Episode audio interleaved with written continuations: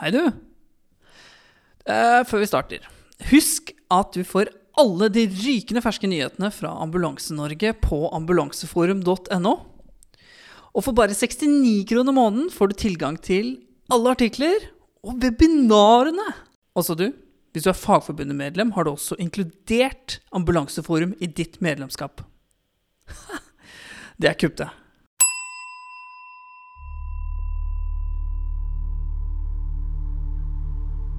Plutselig så begynte folk å trekke seg ned, og folk begynte å skrike. Jeg trodde det var slåsskamp. Plutselig hørte jeg bare masse skudd, skudd. I denne situasjonen så hørte jeg med en gang jeg kom inn i samtalen, at her er det mange eh, redde mennesker. Vi har en uoversiktlig situasjon, eh, og det meldes om skyting. Og vi får også da andre innringere, som vi da får informasjon om at ser eh, muligens flere gjerningsmenn. Vi har uavklart antall skadde, og det er et eh, uoversiktlig skadested. I kveld skulle det vært full fest og pridefeiring i Oslo sentrum. Slik ble det ikke. I natt ble to mennesker skutt og drept, og 21 andre skadd i det politiet etterforsker som et ekstremt islamistisk terrorangrep og hatkrim mot homofile. 25.6 skjedde det igjen. Nok en terroraksjon på norsk jord. Hendelsen fant sted midt i Oslo sentrum en natt til en markeringsdag der hele landet skulle pyntes i fantastiske farger. En markering av fellesskap, mangfold, toleranse, inkludering og respekt. En hendelse som tok to menneskeliv og et tjuetall skadde. Dette var en Plivo-hendelse som kunne endt så mye verre. Noe kan vi lære av den. Denne episoden er lagd for operativt personell, og er lagd for å dele erfaringer. Episoden handler om noen av de operative og taktiske valgene som ble gjort av helsepersonellet, både på AMK og på skadestedet denne natten. Ja, jeg eh, begynte da på jobben klokka sju på kvelden. Vi, vi, visste jo selvfølgelig at det skulle være det pride-toget på den uh, søndagen. Dette er Roar Blyverket. Han er operativ leder ved Oslo universitetssykehus. Uh, rollen som operativ leder går ut på at vi skal være første innslagspunkt for uh, de som er på jobb, når ikke stasjonsledelsen er på jobb. Og så er det vi som har dedikert rolle som innsatsleder helse ved større hendelser. Det er som vanlig en travel lørdagskveld på AMK Oslo. Paramedic og ressurskoordinator Ola Gressli sitter på bordet og har ansvar for Oslo denne natten. Det var en ganske travel lørdagskveld. Eh, litt sånn som det pleier å være i Oslo. Eh, og så begynte det å roe seg eh, når vi kom rundt midnatt. Etter det så plutselig så ser jeg at det kommer inn masse nødtelefoner fra et område i Oslo sentrum. Jeg går da i medlytt på en av de første samtalene, og ser også det som begynner å bli skrevet av de som tar imot nødtelefoner. Og ser her at det dreier seg om en skyteepisode Foreløpig så har vi veldig lite informasjon, eh, men basert på antall nødtelefoner som kommer inn, og informasjonen som vi får, eh, så ser det ut som det kan være noe ordentlig stort. Jeg eh, hadde akkurat kommet inn fra en tur i sentrum og satt på kontoret på stasjonen vår. Der har vi en uh, lett uh, variasjon av den A-misten som er på AMK. Så vi ser da på Amis at det kommer inn en del uh, turer på samme tid. Og så ser vi at det blir skrevet at det er skyting i oppdragsfeltet. Og da begynner jeg allerede å bevege meg ut i bilen. For eh, også varsla 119, som vi er, har vaktrom sammen med. Så vi er eh, varsla litt før eh, meldinga kom ut til de andre bilene.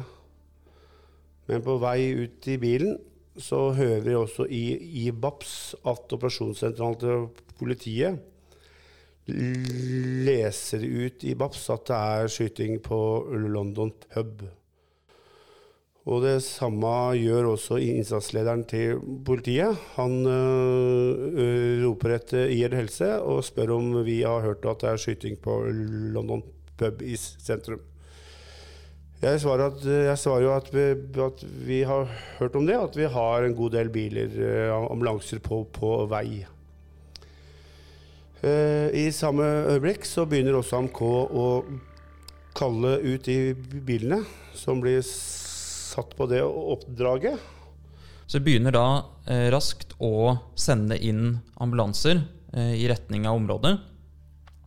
Eh, parallelt med det her så begynner jo også forskyve ambulanser fra andre områder rundt i distriktene som vi koordinerer fra Oslo, inn mot byen, fordi at det er såpass uavklart.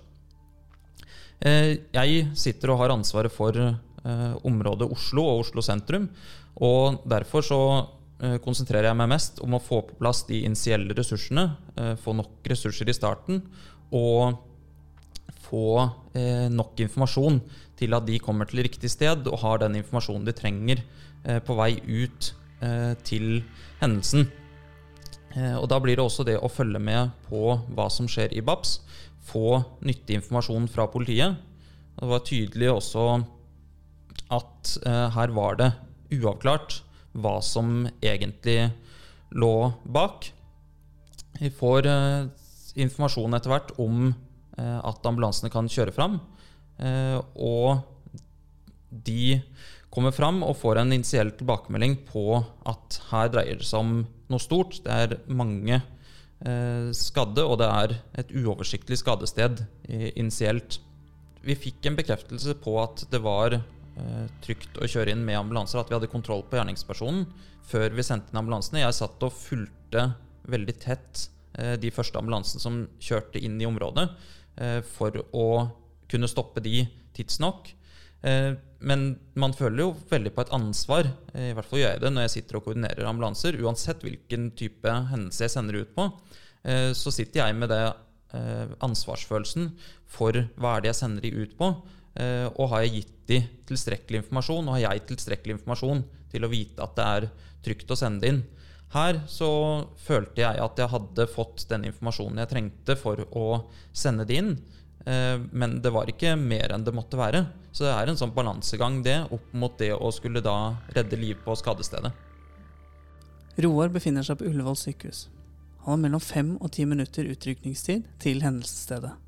Han har nettopp vært ute og kjørt og vet at det er mye mennesker ute denne kvelden. På vei ut så kommer det mye oppdateringer i BAPS, både fra operasjonssentralen til politiet, fra innsatsleder i politi og fra AMK, som kommer med oppdateringer eh, hele tida. Og det er veldig nyttig. For da får jeg, så, som, da får jeg et godt bilde av hva som skjer på stedet der. Det som eh, jeg tenkte på mest, er at vi hadde ikke fått et oppmøtested. Så jeg vurderte, og da jeg visste at de første bilene kom fra sentrum, at ikke de ville bruke veldig lang tid, så hadde jeg tenkt å be de første bilene holde igjen litt. Rann noen hundre meter unna. Men eh, akkurat i det, da jeg skal gjøre det, så kommer innsatslederen til politiet i, BAPS og sier at, uh, at gjerningsmannen er pågrepet, så alle kan kjøre fram. Det er trygt nok. Hadde allerede da Mm, sagt at den første bilen som kom dit, skulle ta lederoppmarsjrollen og e-, e-, e-, evakueringsrollen for å prøve å sette det skadestedet best mulig tidlig. Roar parkerer bilen litt unna skadestedet. Dette gjør han bevisst for å få en viss oversikt over skadestedet. Det han ser, er mange mennesker og flere pasienter. Ambulansen er allerede i gang med livreddende behandling på flere av disse. Ambulansene fremme på skadestedet vet at innsatsleder helse er på vei. Og disse har gitt en kort tilbakemelding. Får kontakt med ambulanse 252 og 255. De hadde, selv om de hadde pasienter, så hadde de klart å få en viss oversikt. Og kunne melde at det var en 10-15 som var skutt. Det dreiv livreddende førstehjelp på to stykker. Og at det var flere som lå også og ute på gata og inne på de forskjellige eh. Da var det allerede flere ambulanser som jobba inne på de forskjellige pubene sammen med politiet der, da. Så behandla og e-, evakuerte. Siden vi fikk ganske mange biler tidlig, så hadde vi alltid eh, transportkapasitet til de som var, som var hardest skadd. Så de fikk eh, bilen med det samme, har vært kjørt ganske kjapt eh, til sykehuset. Siden hendelsen er i Oslo sentrum, er ressursene raskt på plass. Ola er svært bevisst på å ikke sende de ambulansene det ikke er behov for på skadestedet, inn. Uh, underveis så hadde jeg også god kontakt med uh, ressurskoordinatoren på AMK, som hadde veldig god oversikt over alle bilene. Han ville ikke sende alle bilene han hadde, uh, inn på sentralt skadested. Han holdt biler i rammesonen hele tida. Og det, dette var på grunn av et eventuelt sekundært angrep mot uh, der vi var, eller et uh, angrep et annet sted, så hadde han biler uh, på vent hele tida rundt omkring i Oslo. Men ba vi om bil, så var det kort avstand fra der de bila sto, da, og ned til oss.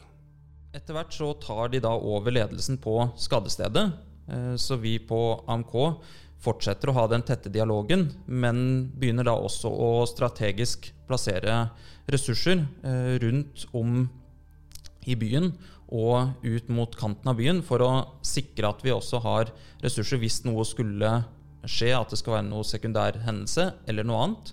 Eh, men vi har også da rask tilgang på ressurser hvis det skulle bli behov for flere på hendelsesstedet. Samtidig så er det et ganske kompakt hendelsessted som gjør at eh, vi ønsker ikke å dra inn for mange ressurser eh, når det ikke trengs. Og vi fyller gradvis på med ressurser etter hvert som det blir behov.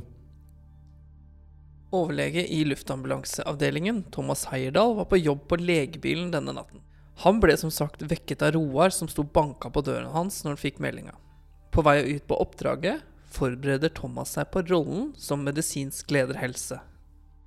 Rollen som eh, medisinsk leder helse er i eh, all hovedsak å være innsatsleder helses nærmeste rådgiver på skadestedet.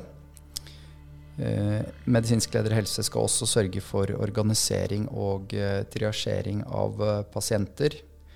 Og rollen er også å opprettholde og beholde kontakt med mottagende sykehus, sånn at de til enhver tid har så god oversikt som mulig over eh, antall pasienter de kan forvente, og eh, det skadepanoramaet pasientene har.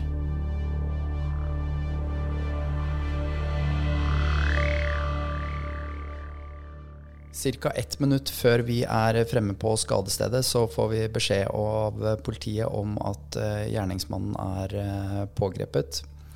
Vi parkerer rett utenfor Bristol hotell og eh, på den andre siden av veien fra der vi parkerer, så ser vi at eh, politiet står eh, samlet i en gruppe sammen med en del sivile.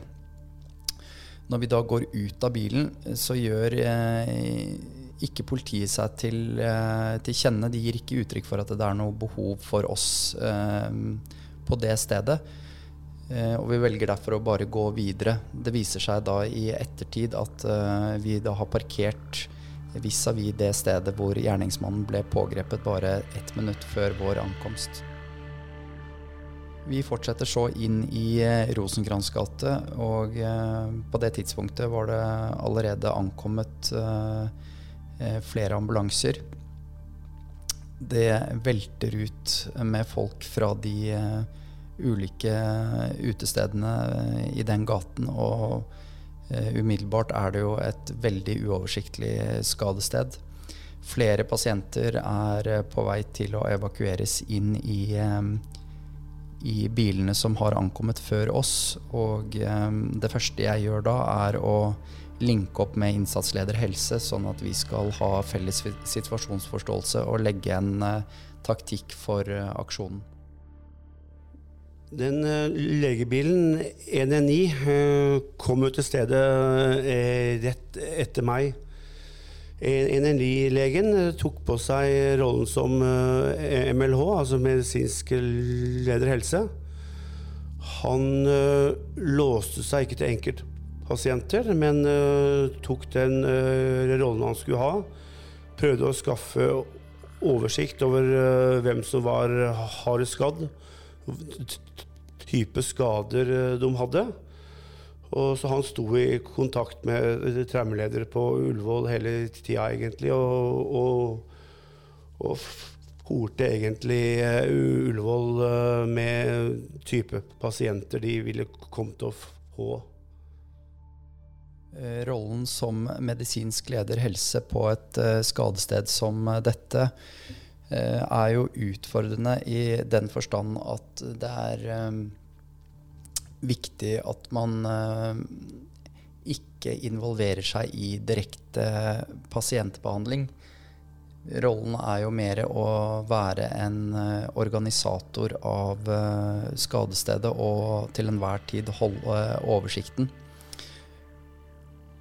De pasientene som var på skadestedet, ble um, bra håndtert av ambulansetjenesten. Og jeg valgte derfor ikke å involvere meg i direkte pasientbehandling. Utover det så tok jeg ganske raskt eh, kontakt med Ullevål etter at jeg hadde fått eh, en så god oversikt over skadestedet som, eh, som jeg følte jeg kunne få. Jeg valgte da å ringe direkte til bakvakt anestesi på Ullevål og informerte om um, at vi hadde ca. ti pasienter som vi planla å sende til Ullevål, og informerte de også om uh, de skadene som vi hadde funnet så langt. Etter det så holdt uh, vi jevnlig telefonisk kontakt Eh, for at de til enhver tid skulle være oppdatert med mm, de pasientene som, eh, som, vi sendte fra oss. Utfordringen her er jo også at det er eh, veldig kort transporttid fra skadestedet til, til Ullevål. Og det mm, gjør at det er viktig at man er Eh, tidlig på ballen og ta kontakt med, eh, med, Ullevål for at de skal rekke å mobilisere ressurser innad på sykehuset? Uh, underveis, da vi evakuerte de uh, harde skadde, så fant vi også, også lettere skadde pasienter. Så vi oppretta en samleplass for det vi definerte som lettere skadde. Blir enige om at vi skal lage en uh, samleplass i Bristolpassasjen. Uh, dette er en åpning i en bygård der det er anslagsvis 40-50-60 kvadratmeter med gulvflate, hvor vi vurderte at det var et hensiktsmessig sted å samle pasientene. I tillegg så var dette bare rett over gaten fra London pub, så det ville eh, være veldig kort vei å forflytte pasientene. Der var egentlig kriteriene ganske enkle. De skulle være oppegående, eh, våkne og klare og ikke ha noen store blødninger. Det var kriteriene vi brukte for den lettere samleplass, lettere skadd. Når det gjelder skadepanorama til pasientene som eh, ble evakuert til eh, samleplass, så var det ikke bare skuddskader, men også en del andre skader som pasientene hadde pådratt seg i forbindelse med evakueringen. Ca. 15 minutter etter at vi ankom eh, skadestedet, så kom det i tillegg eh, to luftambulanseleger fra Lørenskog-basen. Og de eh, bidro deretter i triasjeringsarbeidet på samleplassen. Begge innsatslederne, både Roar og Thomas, har nå god oversikt over skadestedet. Og pasienter som har vært i området, har blitt behandla og frakta til riktig leveringssted med ambulansene. Men skadestedet er fortsatt stort, det er uoversiktlig, og de er redd for at noen har oppsøkt helsevesenet på egen hånd. Etter at uh, aksjonen var avsluttet i Rosenkrantz gate, så valgte vi å sende en av uh, luftambulanselegene fra Lørenskog ned på legevakten for å sikre oss at uh, det ikke var noen av de pasientene som var sendt til legevakten som trengte videre transport til eh, Ullevål. Politiet har samla vitner på Thon-hotellet like i nærheten. Helse får nå forespørsel om psykososial oppfølging. Det er legevakten i Oslo som har ansvaret for dette. Legevakten i Oslo det er ikke i umiddelbar nærhet. Istedenfor å sende flere av publikum ned til legevakten, bestemmer Roar og Thomas seg for at legevakten skal komme til hotellet for psykososial oppfølging. Eh, etter vi hadde gjort oss ferdig på Thon-hotellet, der eh, blei det igjen en eh, par biler som kunne ta oppfølginga sammen med legevakten. Så kom ledelsen i ambulanseavdelingen. Hadde også kommet på jobb. Så vi gjorde avtale med de om at vi skulle ta en teknisk gjennomgang av, eh, av hendelsen med de bilene som hadde vært på stedet. Så ledelsen i avdelingen de eh, ordna et sted vi kunne være, og ordna is og kaffe. Så vi eh, kom opp til kua, og der vi har stasjonen vår.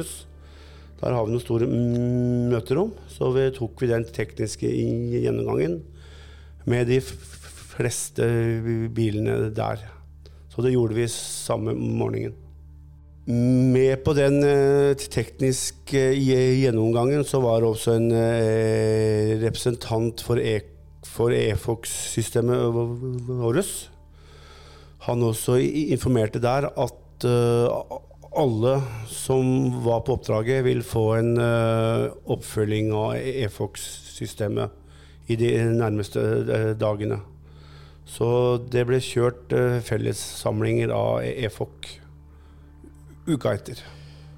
Etter vi var ferdig med den tekniske gjennomgangen, så blei vi uh, kom det også opp noen suksessfaktorer og noen læringspunkter, selvfølgelig, som uh, vi får etter hver stor hendelse. De suksessfaktorene som jeg syns er viktige, er at denne hendelsen ville AMK kjøre i Oslo 1, altså den vanlige arbeidstalergruppa. Og det var pga. at uh, det var veldig mange biler som til daglig er i Oslo 1, som skulle på oppdraget. Så de behøvde ikke å bytte talergruppe. For erfaringsmessig da, er hvis vi bytter, eh, får en egen aksjonstalergruppe, så er det ikke alle bilene som klarer å komme seg over i den talegruppa tidlig nok. Så de får med seg all den informasjonen som blir lest ut. Så eh, det var en uh, god vurdering å la alt gå i Oslo 1. Automatisk så er de bilene som ikke er på aksjon, de får en veldig god sambandsdisiplin. Eller det gjelder egentlig alle bilene. Det var kun uh, korte, konsise meldinger. Og de bilene som ikke var på oppdraget, brukte nok telefon og andre kommunikasjonsmidler for å få kontakt med ham på. Så uh, det var erfaringsmessig veldig rolig på sambandet. Kun de meldingene som skulle ut, ble vi brukt samband til. De første enhetene som kom på stedet, er veldig selvdrevne, erfarne folk. Tar initiativ, skaper fremdrift og får de hardt skadde pasientene ut og i bil tidlig. Så det er tydelig at den Plivo-treninga som vi driver med hvert år, den vi, vi virker. For vi har jobba ordentlig etter de Plivo-prosedyrene som er. Alle er lojale mot meldinger som kommer fra innsatsleders ko. Vi har uh, god MLH, som uh, ikke låser seg fast uh, enkeltpasienter. Det får de andre doktorene som kommer til stedet. Men han som eh, MLO får en god total oversikt og holder dialogen med sykehuset. Men eh, vi får også noen eh, forbedringspunkter, selvfølgelig. Fordi at de bilene som kom dit tidlig, ble fanga av situasjonen. Så klarte vi ikke å triasjere noen pasienter med triasjebånd. Det tror jeg hadde noe med at de bare fikk overlevert pasient med en gang og måtte begynne å be be be behandle. Det var ingen som fikk tatt den triasjerunden og fikk få satt triasjebånd på pasientene.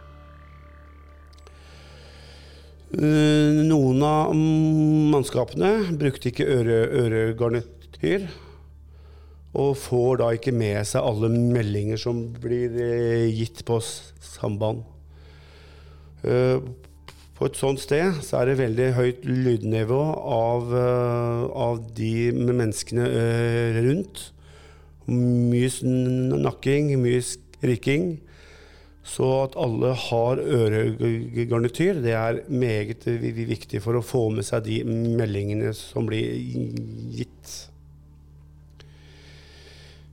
Vi, som sagt før, så får vi ikke satt de første dellederne da de blir hanga av situasjonen så fort de går ut av bilen. Vi hadde frivillig teknisk gjennomgang. Den bør være obligatorisk for alle enhetene som var der har fått høre noe i etterkant at noen av enhetene som valgte å reise hjem pga. lang kjørevei, at de angrer på at de ikke var, var med på den tekniske gjennomgangen. Da.